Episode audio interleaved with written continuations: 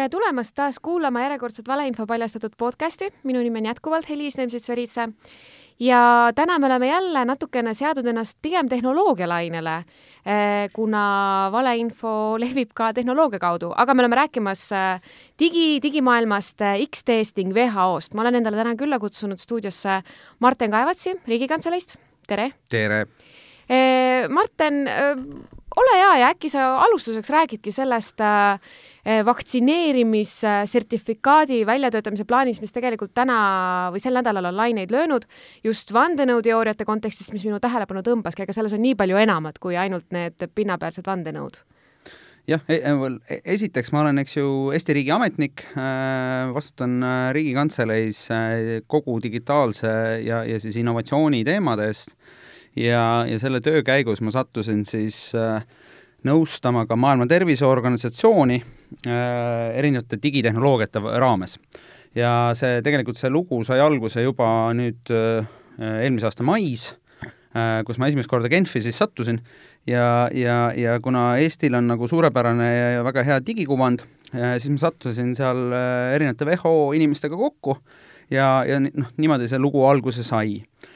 see kõik oli, eks ju, nii-öelda enne pandeemiaaegset olukorda, mis on, ma arvan, hästi oluline, sellepärast et äh, see, mida peamiselt Eesti saab oma kogemuse ja, ja ütleme, kogukonnaga teha, on tegelikult see, et äh, Eestil on pikaajaline kogemus niisuguste usaldusarhitektuuri ehitamisel ja, ja kui ma räägin usaldusarhitektuurist, siis see tähendab siis seda, et, et kuidas ehitada niisugust suurt ja keerukat ütleme, andmevahetussüsteemi niimoodi, et et see on nagu tegelikult kasvatab usaldust. ja, ja nüüd enne pandeemiat äh, äh, kuna ma ise ei ole nagu tervisevaldkonna inimene ilmtingimata, et, et ma ei ole nagu selles valdkonnas toimetanud, aga siis, siis sattusingi sinna mingisse niisugusesse äh, selle nii-öelda WHO pealiku juures olevasse ekspertgruppi, kes nõustab WHO-d, et milline nagu WHO roll üldse globaalses digitervises võiks olla. Ja, ja noh, see lähteülesanne on hästi keeruline selle tõttu, et äh, et noh, WHO ja nagu, nagu, nagu paljud riigid ja suured nagu bürokraatlikud organisatsioonid on tegelikult noh, ütleme, selle, nende organisatsioonide niisugune igapäevane töökultuur ja, ja ülesehitus tegelikult pärineb hoopis teistsugusest ajast, et, et noh, ütleme enne infoajastut, kus siis äh, need, äh, ütleme, see organisatsiooni kultuur on hästi jäik, muutustega kaasa minna on hästi raske ja nii edasi ja nii edasi. ja noh, siis selles kontekstis ma siis pakkusingi välja, et, et noh, kuulge, et ma ei tea nagu tervishoiust küll mitte midagi, eks ju, aga aga millest ma tean, on äh, kogukonna ehitus ja, ja, ja usaldusarhitektuuridest ja, ja, ja noh, selles mõttes ka skaalas, et et Eesti näitel tegelikult on meil võimalik äh, noh, rääkida ka muuhulgas nagu maailma näitel, eks ju, et et kuidas ehitada äh,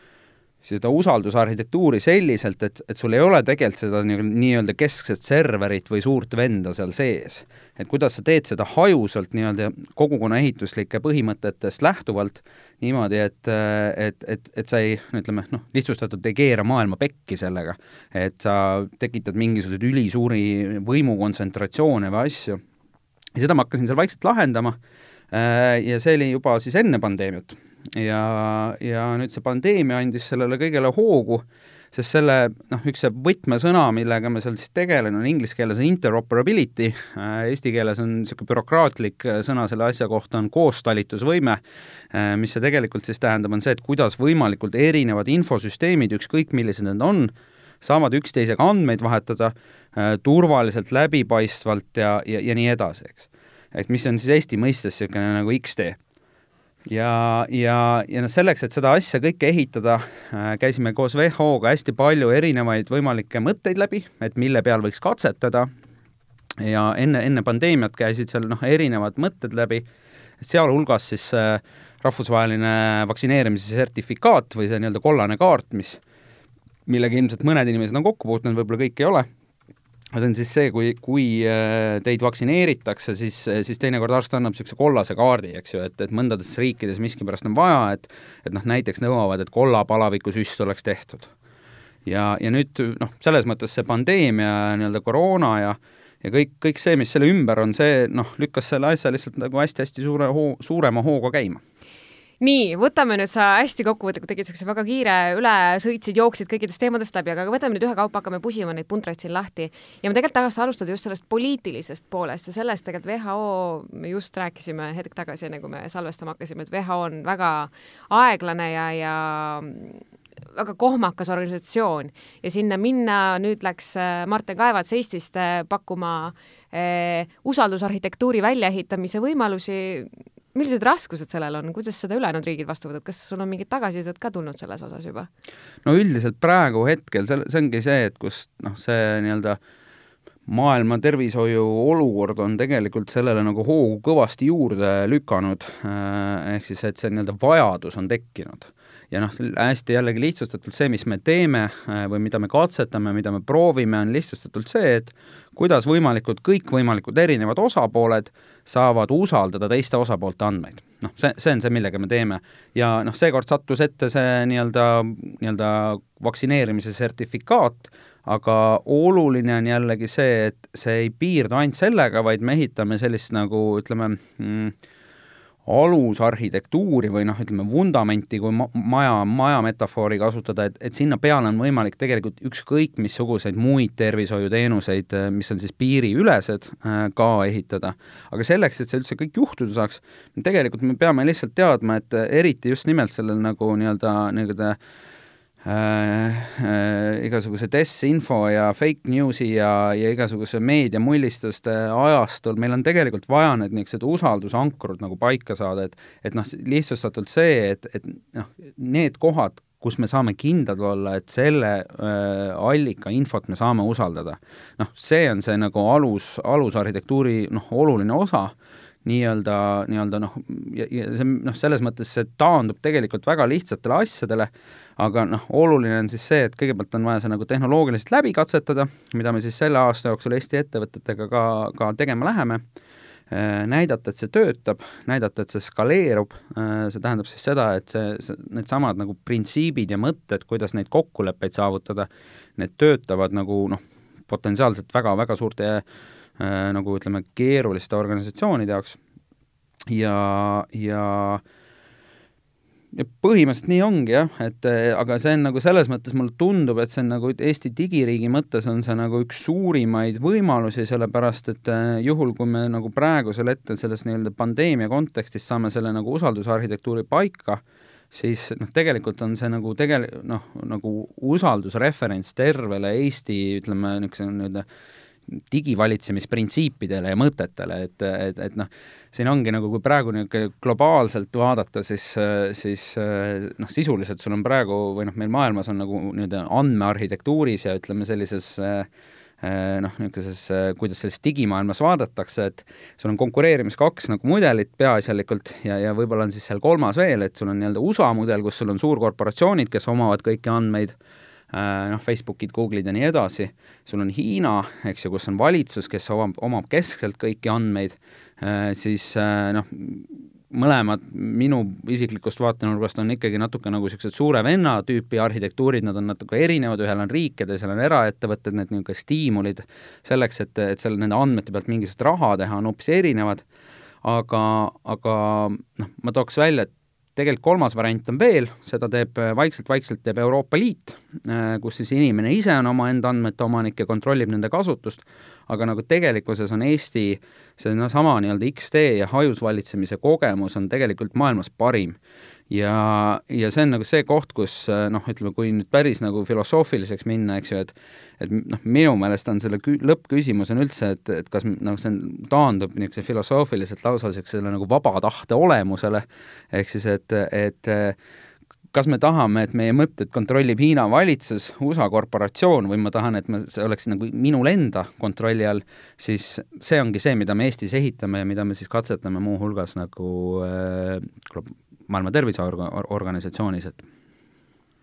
ma nüüd noogutan hoogsalt kaasa, terve aja, äh, see kõik jutt on väga tore ja väga ilus, aga ikkagi mul jääb see küsimus, et noh, kas see üleüldse on reaalne, et noh, me ei räägigi siin aastast või kahest, me räägime siin tõenäoliselt kümnetest aastatest, kuni näiteks USA-ni see asi jõuab või kuni see süsteem jõutatakse seal sisse juurutada, aga kas see on üldse reaalne, et äh, WHO-l on see võimalus äh,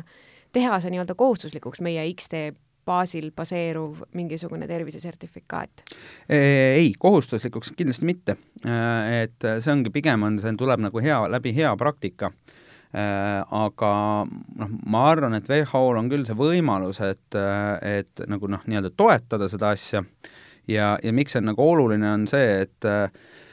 et noh, sisuliselt ma arvan, et kui siin see pandeemia edasi areneb äh, ja nii edasi, siis noh, ütleme, riigid tahavad kindlasti nagu maailmamajanduses osaleda, inimesed tahavad reisida nii, nii puhkusteks kui, kui nagu ütleme, ettevõtmise nimel, et, et, et siis noh, tegelikult meil ühel või teisel viisil on mingisugust säärast globaalset usaldusarhitektuuri vaja äh,, meil on sa-, vaja nagu noh, nii-öelda mõistliku aja jooksul et niisugusest esimese niisuguse nagu kasutusloo, mis, mis see nagu nii-öelda kollane kaart või äh, rahvusvaheline vaktsineerimise sertifikaat on, et et noh, tegelikkuses on äh, Eesti kogemusel noh, see võimalik suhteliselt kiire ajaga ikkagi siiski nagu ära piloteerida ja, ja siis jah, ilmselt võtab aega selle nii-öelda terve saja, saja üheksakümne viie erineva jurisdiktsiooni liidestamine sellele, et, et see, see keerukus on seal nagu suur aga ma arvan, et noh, inglise keeles on väga, väga hea niisugune ütlemine, on, on nagu sense of urgency või see nii-öelda vajadus on seal nendel organisatsioonidel ehk siis riikidel noh, tegelikult olemas ja meil on nagu selles mõttes see nii-öelda pandeemia nüüd selle äh, selle, ütleme, niisuguste rahvusvaheliste organisatsioonide nagu digiarengule on küll nagu kõvasti kaasa aidanud, sellepärast et noh, need tõesti organisatsioonid on nagu ülimalt jäigad, nad ei liigu väga kiiresti, aga noh, nüüd, nüüd on nagu selge vajadus. et, et, et noh, see protsess saab alguse nüüd, aga tõepoolest, et nagu sa ütled, et see ilmselt siis kestab nagu ma ei tea, siin kakskümmend, kolmkümmend, nelikümmend ja noh, vaata et elu, elukestev protsess mul on ikkagi see küsimus, et noh, juba praegult on meil tegelikult need riigid, nagu sa ise ka viitasid, olemas Eestis või tähendab maailmas, kuhu ei saa reisida ilma teatud äh, näiteks vaktsiini olemasolult, olgu see mingi hepatiidi või malaaria või mis iganes vaktsiin, eks ole. selle jaoks on, saad vaktsiini, perearst väljastab sulle vastava paberi. miks peaks olema erinevate riikide perearstid üldse huvitatud nagu sellest oma paberi väljastamise äh,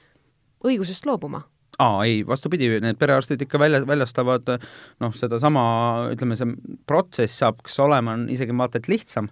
äh, nad ei loobu sellest, sellepärast et see ongi nende töö, nemad ise nagu tegelevadki sellega ja nemad nagu vastutavad selle eest. et äh, ei, et äh, sellega nad nagu tegelevad edasi, sest see on see, mis on nende kompetents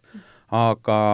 aga see, mis me tahame teha, on see, et seesama nii-öelda noh, lihtsalt, et kui me siin nagu ette valmistasime seda projekti, siis sedasama nii-öelda praegu kasutusel olevat nagu kollast kaarti nii-öelda, noh, seal üks äh, WHO-st kolleeg ütles, et et noh, Kongos, et, et seal sa saad nagu lennujaamas nagu viie daala eest nagu äh, enne nagu piiripunkti osta selle, kus sul see nagu olemas on, eks, et see no justkui ei ole nagu tegelikult kõige nagu usaldusväärsem ilmtingimata, et kui sa noh, ostsid siit viie dollariga ühe asja ja nüüd näitad ja siis justkui saad nagu templi peale, eks ju, et kõik on korras. et, äh, et äh,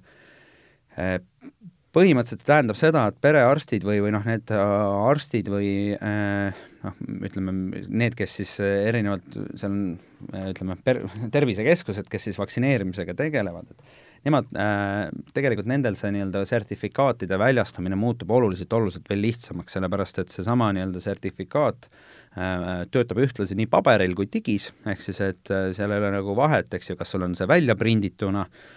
või ta on sul äh, mobiiltelefonis näiteks niisugune, ütleme, kõige äratuntavam asi, et kui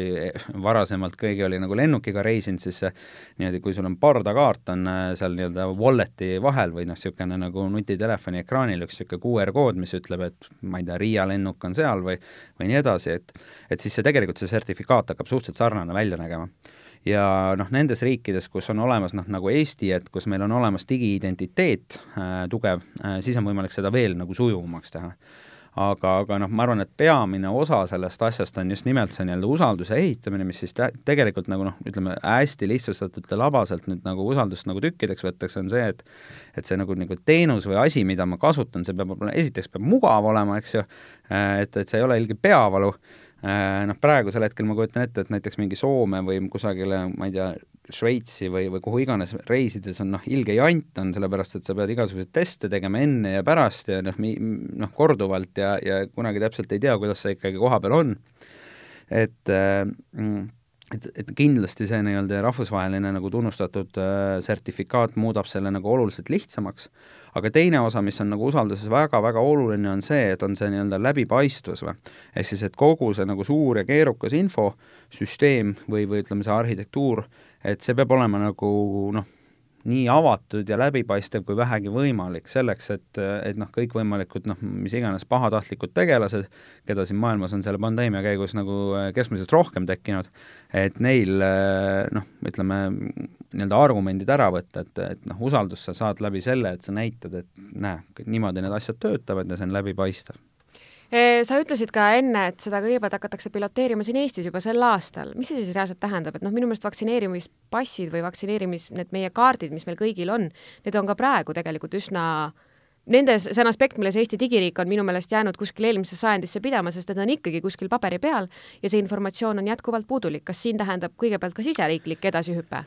Seisab see, need paberid on vaja väljaspool teistele riikidele, et meil endal siseriiklikult tegelikult äh, neid pabereid absoluutselt vaja ei ole, et selles mõttes see nii päris hull ei ole, aga, aga noh, mingisugune arenguhüpe võiks tulla, aga noh, see, mida me peaasjalikult piloteerime, on just nimelt nagu nii-öelda piiriülesed, ehk siis erinevate riikide vahelised, et kas on võimalik näiteks see, et kui näiteks mind, äh, minu ütleme, antikehadest äh, koroona jaoks tehti näiteks Synlabis, või siis vaktsiin tehti äh, Põhja-Eesti Regionaalhaiglas, noh, need on mingisugused niisugused meditsiiniteenuse või tervishoiuteenuse pakkujad, eks ju, äh, et, et et kas need on nagu usaldusväärsed kohad. aga noh, selle näide on lihtsalt see, et kui on näiteks nagu ma ei tea, Martin Kaevats usaldusväärsed vaktsineerimispassid, eks ju, et noh, ma võin teha OÜ, eks ju, ma võin teha niisuguse OÜ, aga noh, kuna ma ei tea meditsiinist tegelikult midagi, siis, siis tegelikult see ei ole nagu see usaldusväärne koht ja, ja, ja et see, mida me piloteerida tegelikult tahame, on mitte, ei olegi probleem nagu niivõrd-kuivõrd siseriiklikus asjas, vaid just nimelt see, et noh, ma ei tea, kuidas suuta teha niimoodi, et Soomes käimine lihtsamaks läheks. kuidas käia näiteks Saksamaal ja, ja veel mingisugune hulk riike kokku panna niimoodi, et, et, et see nii-öelda, nii-öelda reisimine oleks oluliselt lihtsam läbi sisuliselt selle, et nagu kumbki osapool, niisiis ma ei tea, Saksa piirivalvur või siis ma ei tea äh,, Araabia Ühendemiraatide piirivalvur või, või, või Tai piirivalvur suudaks nagu tegelikult seda noh, paberit, mida sa näitad talle, noh, et kui sa praegu lähed mingisuguse perearsti tõendiga, mis on eesti keeles Tai piirivalvurile, siis ma usun, et ta nagu väga hästi aru ei saa, et mida sa siin parasjagu näitad, et, et see noh, ei, ei pruugi toimida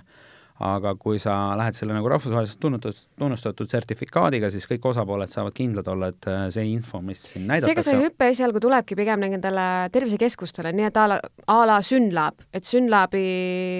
väljastatud tõend negatiivsest koroonatestist kehtiks Tais, nagu sa täpselt näite tõid, et kuidas seda siis autentima või akrediteerima hakatakse, neid keskusi, kes selle eest vastutama peaks hakkama? Selle eest juba vastutab Eestis Terviseamet, et see tegelikult on juba ammu ja kõikides riikides on need nagu vastutavad. ja Eesti Terviseameti siis nii-öelda kinnitus, Synlab on legitiimne ja normaalne koht, äh, läheb siis WHO-le ja WHO siis nagu kogub need kõik kokku, need akrediteeritud tervisekeskused. E mingit pidi küll, aga oluline ongi see, selleks, et ei tekiks seda nagu äh, nii-öelda suure venna efekti, siis see, mida tegelikult WHO teab või teadma peaks selles usaldusarhitektuuris, on siis see, et Eesti Vabariigis vastutab tervishoiuteenuste pakkujate nimekirja hoidmisest Terviseamet mm. -hmm. That's it. üks Exceli tabeli rida. Äh, ja ma ei tea, Kongos vastutab see amet ja Mosambiigis see amet ja Tšiilis vastutab see amet. ja nüüd see, mida me ehitame, on siis see X-tee võrgustik, kõikide nende terviseametite, mis globaalselt asuvad, nende vahele, niimoodi, et kui me küsime, kui sa piirivalvuri juurde lähed, eks ju, et, et lähed, lähed siis kusagile nagu Taisse näiteks puhkama, ja siis piirivalvur näitad QR-koodi, siis ta kõigepealt küsib WHO käest, kas, kas Terviseamet on nagu okei okay koht. WHO ütleb, et jah, Terviseamet on väga okei okay koht, sellepärast et ta teab äh, seda ja siis VH, või siis seesama piirivalvuri nii-öelda seade küsib, küsib sellelt nagu Eesti Terviseametilt, et kas Põhja-Eesti Regionaalhaigla on olemas. või, ja ütleb, et jah, on, aga vaata, Martin Kaevats usaldusväärsed vaktsineerimispassid, et noh, et see, see, seda küll nüüd nagu olemas ei ole, eks ju. et seal ongi nagu see koht, kus tegelikult saab nii-öelda äh, usaldusväärse info eraldada mitteusaldusväärsest infost, et see tegelikult taandub hästi lihtsatele asjadele, noh sisuliselt seal on vaja nagu see niisugune noh, baasnimekirjad luua. Ja noh, see on alles algus sellest, aga mida, mis selle võimalusel tekib, on tegelikult see, et meil tekib nagu hajusalt, sest vaata, kõik need andmed ei asu ühes kohas, need asuvad täpselt nendes kohtades, kus nad päriselt asuvadki. Äh, aga teoreetiliselt meil äh, on võimalik võrgustada noh, kõik tervishoiuasutuste nimekirjad globaalselt ja see on nagu tegelikult suur asi, sellepärast et kui sul on olemas äh, hajusalt jällegi selline nagu võrgustik, siis noh, sinna peale on võimalik ükskõik mis muid piiriüleseid tervishoiuteenuseid teha, selles mõttes, et et noh, kui kunagi, ma ei tea, viieteist, kahekümne aasta pärast on võimalik seesama, et lähed Taisse puhkama, käid arsti juures, eks ju, noh, täitsa, täitsa võimalik on see, et noh, sinu siis arstil käigu, mis iganes äh, mõõtmised ja asjad jõuavad ka sinu digilukku Eestis, aga läbi selle, et sul on tegelikult see usaldusarhitektuur seal olemas, aga noh, sinnamaani on veel palju-palju minna mulle hästi meeldis, ma lugesin Postimehes ühte lugu, üks väheseid lugusid, mis on ilmunud, on Postimees kirjutanud sellel teemal äh, sel kevadel ja nad tõid muuhulgas välja, sa vist ise kirjutasid selles või andsid äh, loos, andsid märku sellest, et me räägime hästi palju vaktsineeri-, vaktsiinide turvalisusest sellest aspektist, et mis teil sees on ja kas teil kõrvalaineid või kõrvaltoimeid on, noh, sellest aspektist, mida siis vaktsiinivastased aitavad ka äh, hoolega siis levitada. aga äh, sa tõid välja vaktsineerimise või vaktsiinide leviku nii-öelda turvalisuse aspekti mm, -hmm. mis on hästi põnev ja kuidas äh,, kuidas on oht parasjagu, millest liiga vähe vist räägitakse või nagu vähemalt mulle tundub nii, et vaktsiinide kõrvalekaldumine nüüd ühel päeval, kui see Covidi vaktsiin võib mhm. valmis saada, siis äh, a la Eesti Belgia ja seesamune Kongo saavad täiesti erinevad vaktsiinid, kuigi need tulevad ühest laborist. jah, see on hästi suur teema tegelikult, et see on see, mida tegelikult nagu vähesed nagu teadvustavad või, või noh, ütleme äh, laiemas äh, publikus, et, et ega see, kui vaktsiin tuleb, see ei lahenda kuidagi probleemi, eks ju, et äh, seal tuleb nagu pikk-pikk aeg selles, et noh, kuna kogu see, eks ju, nii WHO, mis on siis nagu teaduspõhine organisatsioon, ja, ja, ja kõik need rahvusvahelised organisatsioonid hästi tugevalt on niisugused nagu humanistlikud, ehk siis noh, jällegi, et, et noh, selle lihtne näide on see, et et kui lõpuks see vaktsiin tuleb ja ütle, oletame, et selle nagu hinnaks saab kümme eurot, näiteks ühe, ühe süsti hinnaks, eks ju, ja, ja, ja siis, siis noh, hästi suur panus läheb sellesse, et see nagu nii-öelda noh, ütleme, eetiliselt jaotatakse riikide vahel laiali mis see tähendab, on see, et noh, näiteks, et rikastamatele riikidele läheb see viieteist euroga ja vaesematele riikidele läheb see viie euroga. noh, see on hästi, ma arvan, väga inimlik ja nagu mõistlik nagu mõte selles mõttes, et ei ole niimoodi, et ainult mingisugused New Yorgi või Londoni rikkurid saavad hakata veel edevamalt puhkusereisidel käima, sest nemad said süsti, vaid, vaid noh, tegelikult on see globaalne asi ja ja sisuliselt siis äh, noh, see, mis, äh, mida me ka piloteerime ja katsetame, on tegelikult vaktsiinide tarneahela läbipaistvuse loomine ja see lihtsustatult, see tähendab siis ka seda, et et kui, kui nüüd sellesse nagu ma ei tea, Kongosse või, või, või, või mis iganes siis äh, nii-öelda vaesemasse riiki äh, mõeldud nagu vaktsiinilaadung miskipärast tuleb kusagil Londoni kesklinnas, kus neid müüakse, eks ju, siis näiteks mingisuguse kuuesaja dollariga, et siis läheb lihtsalt lipuke püsti et, et see, see peab olema nagu võimalik, et et, et, et see nii-öelda nende nii tarneahela jaotumine on tegelikult ka nagu õiglane, noh, selle õigluse tegelikult lõpuks panevadki needsamad rahvusvahelised organisatsioonid ja muuhulgas, eks ju, kohalikud poliitikud ka paika, ehk siis noh, suure tõenäosuse loogika on nagu see, et ikkagi esimesena äh, on võim-, tuleb vaktsineerida, eks ju, nii-öelda riskirühmi, meditsiinitöötajaid ja nii edasi, aga see on kõikide kohalike enda riikide enda otsus aga see, mida meie siis nagu mõtleme ja proovime lahendada, on see, et kuidas kogu selle tarneahela nagu läbipaistvust äh, tekitada niimoodi, et kõigil osapooltel on kogu aeg selge, et noh, olukord on nii. ja, ja noh, sealjuures inimestele, et, et see, et see ei oleks nagu mingisugune suur müütiline, müstiline, keeruline süsteem, eks ju, inimestel on nagu ikka see nagu, nagu evolutsiooniliselt on äh, aju ehitatud niimoodi, et nad, nendel on ikka huvi nagu mustreid üles leida ja, ja noh, üldiselt ikkagi, kes otsib, see leiab, eks ju, erinevaid mustreid. aga, aga, aga noh, tänapäeval on nagu, mulle tundub, et noh, mul isa ka kunagi ütles, et ennem kui hukka mõista, tuleb nagu mõista ja, ja nii-öelda kolli igalt poolt otsida on nagu noh, tegelikult päris raske, et et ma ise olen nagu praegu viiendat aastat avalikus sektoris ja mul võttis endam nagu, endal nagu poolteist aastat e-, üldse aru saada, et mis see Eesti avalik sektor on, kuidas see töötab. ja nüüd ma olen nagu poolteist aastat seal nii-öelda Genfi suunal tegelenud ja, ja üritanud aru saada, et kuidas needsamad rahvusvahelised organisatsioonid töötavad. et, et siin on ikka päris palju erinevaid nagu niisuguseid nagu kollimüüte, on hästi palju liikmeid aga need kõik on nagu noh, selles mõttes pärinevad nagu kohtadest, kus tegelikult puudub igasugune kogemus, mõistmine sellest asjast. Ja noh, näiteks seesama, kõik need mis iganes niisugused äh, humanistlikud eetikakaalutlused, mis on nagu kogu selles Genfi akronüümis, akronüümid, Genfi akronüümid on siis kõik need erinevad rahvusvahelised organisatsioonid, kes seal on, mille üks on WHO, seal on neid hästi palju, et, et kogu see nagu noh, see on see, mis tegelikult kannab kogu seda ÜRO võrgustikku, ehk siis et et meil on vaja nagu noh, ma ei tea, kui me vaatame, vaatame nagu, nagu säästva arengu eesmärke näiteks, noh, meil on vaja vaesusega võidelda, eks ju, niisugused asjad, mis on nagu ülimalt olulised asjad, aga, aga, aga noh, praegusel hetkel pandeemia kontekstis, kus, kus noh, paljude inimeste jaoks siis nagu niisugune ütleme, väga paljud asjad, mis nad võtsid, võeti iseenesestmõistetavalt, noh, kogu see, et noh, kevadel, eks ju, ei, ei saanud väljaski käia ja kõik olid kusagil kinni, eks ju, siis noh, tol hetkel, kui, kui sul mingisugused niisugused tugisambad nagu ära kaovad, siis noh, inimesed hakkavadki nagu mingisuguseid mustreid otsima. Ja ja, ja noh, kes otsib, see leiab, et ma ei nagu jah, ma ei kujuta ette, et minul on niisugune, olen natukene nagu vaadanud sisse, et mis seal kapoti all toimub ja, ja, ja noh, tegelikult noh, tööd on palju teha, aga, aga asi kindlasti ei ole katki nagu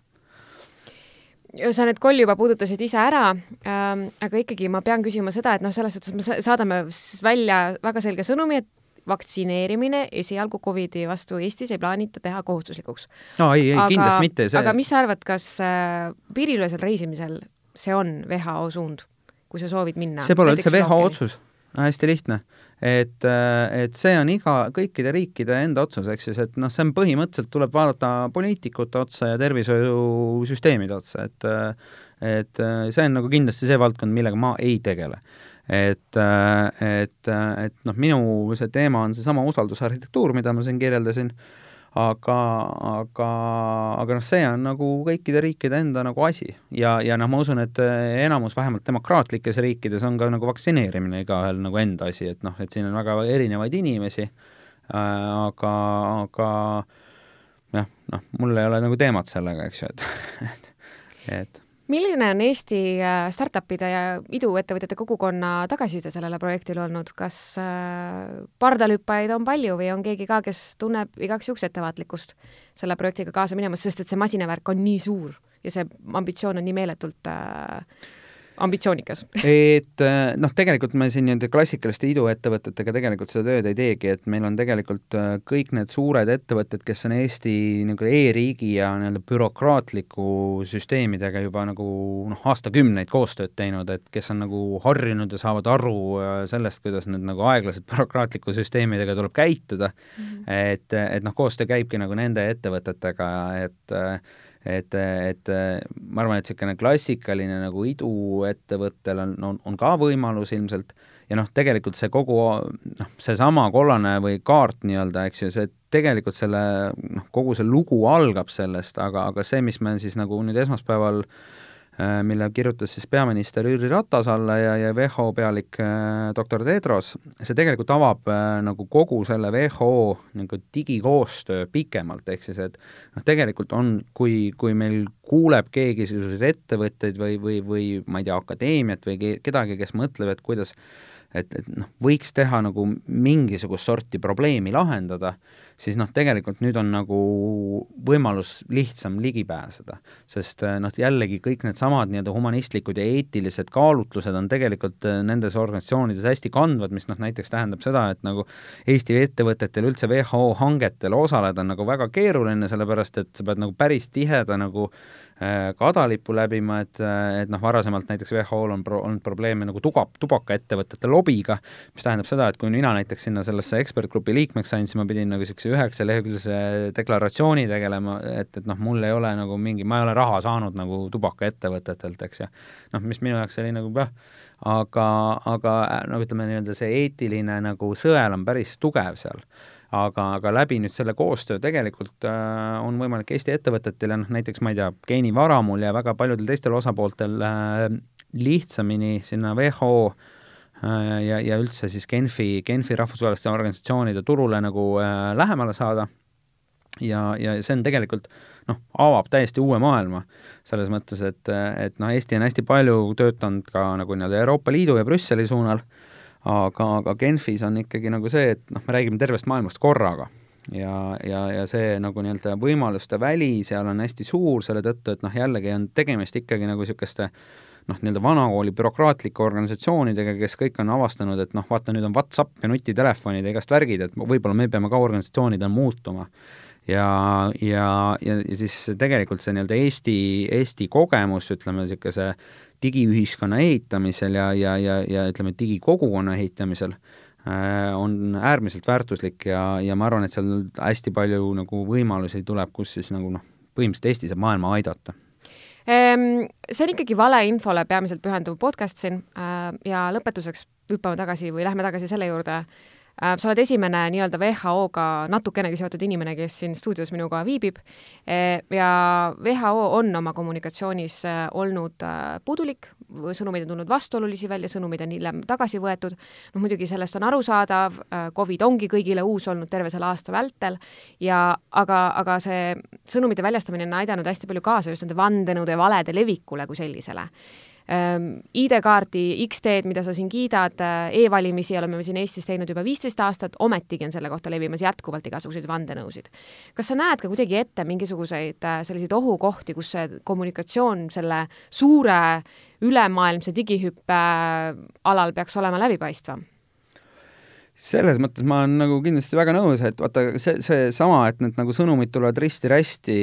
ja, ja hüppavad, noh, on teinekord nagu ebaselged, et noh, see tegelikult on märk lihtsalt sellest samast nagu organisatsioonilisest nagu noh, nagu olukorrast, et vaata, et et kui me nagu navigeerime sogases vees, eks ju, siis mis, mis see on, ehk siis me ei tea, mis see täpselt tulevik teeb, nüüd kaalutluspaketid on äh, erinevad noh, WHO-l on hästi keeruline olnud sellepärast ka, et noh, nad on ikkagi oma juurtelt ja oma olemuselt nagu teaduspõhine organisatsioon.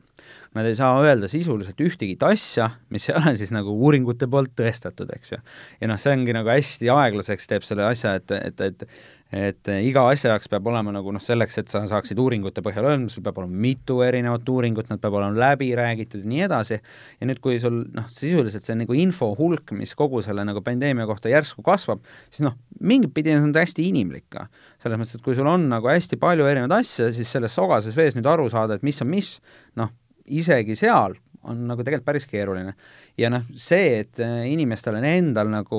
noh, mingisugune kalduvus siis hakata mingisuguseid mustreid ja kolli nägema igal pool, noh, see on nagu tohutu, noh. et äh, kui mina praegu siin nagu nädala alguses kusagil enda sotsiaalvõrgustikus teatasin, et, et noh, niisugune asi on nagu juhtumas, äh, et siis, siis isegi seal on nagu see, et noh, inimesed, et aga WHO ju külvab hirmu ja mingisuguseid niisuguseid asju, siis siis noh, nii palju, kui ma neid nagu pressikonverentse jälginud olen, siis noh, nad suhteliselt nagu noh, nad konstateerivad fakte, sellepärast et nad on teaduspõhine organisatsioon. neil ongi noh, selles mõttes see mõnetine nagu noh, nad ongi hästi konservatiivsed, selles mõttes, et nad, nad ei saagi öelda midagi, noh, ütleme nad noh, kui minu töö siin Eesti, Eesti Vabariigis on mingit pidi nagu olla professionaalne unistaja, siis noh, nemad seda teha ei saa nemad peavad nagu faktidele tuginedes kogu aeg rääkima, aga kui sul on nagu see niisugune sogases vees, et kogu aeg noh,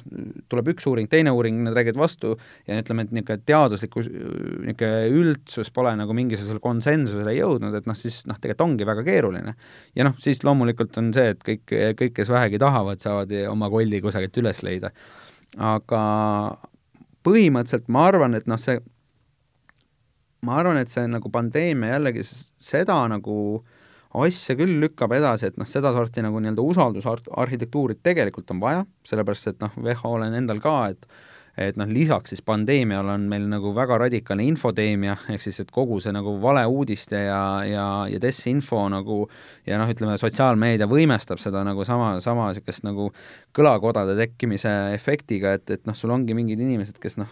reaalselt usuvad, eks ju, et, et, et pandeemiat ei ole olemas ja see on selle jaoks, et mingitel lindudel on vaja patareisid ära vahetada, või siis seda, et nagu ma ei tea, Hitler tappis ennast rasestumisvastaste tablettidega, eks ju.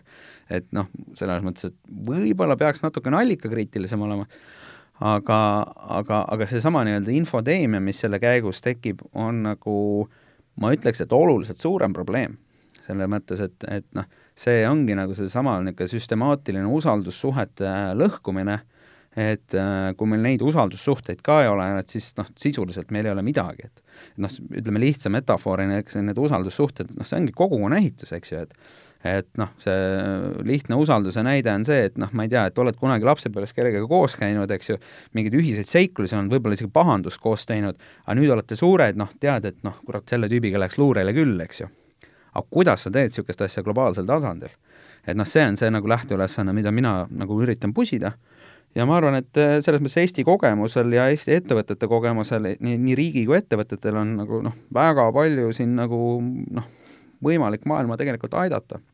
et, et noh, see, mina kindlasti nagu tüürin sinnapoole, et et äh, noh, see, mida ma tahaks, oleks nagu usaldusel ja empaatial põhinev maailm ja, ja, ja selleks, et nagu noh, ütleme, empaatiat saavutada, sellepärast tuleb nagu noh, sul peab huvi olema ka teise poole vastu, ei ole niimoodi, et kohe nagu see on paha ja see on paha ja. Pigem nagu vaatama nagu ja uurima ja, ja noh, jällegi ennem kui hukka mõista, tuleb mõista. Äh, sa korduvalt äh, ütlesid, et see on väga pikaajaline töö, niisiis lõpetuseks küsin jah või ei küsimus, kas oled valmis äh, selle projektiga maailma ühele digitaalsele tervishoiusüsteemile üleviimisena tegelema kuni pensionini? aa, ei kindlasti mitte. see, ei, ei, ma arvan, et kui ma saan siin nagu selle lähteülesande paika selliseks, et ei, ei ole valmis tegelema, see on nagu liiga keeruline ja kohati hästi igav aga, aga, aga ma arvan, et kui me saame siin nagu Eesti, Eesti kogukonnaga lähteülesanne paika, siis maailm muutub paremaks paigaks küll, jah. aitäh sulle, Martin, täna tulemast ja kuulmiseni siis järgmises podcastis. Thank you.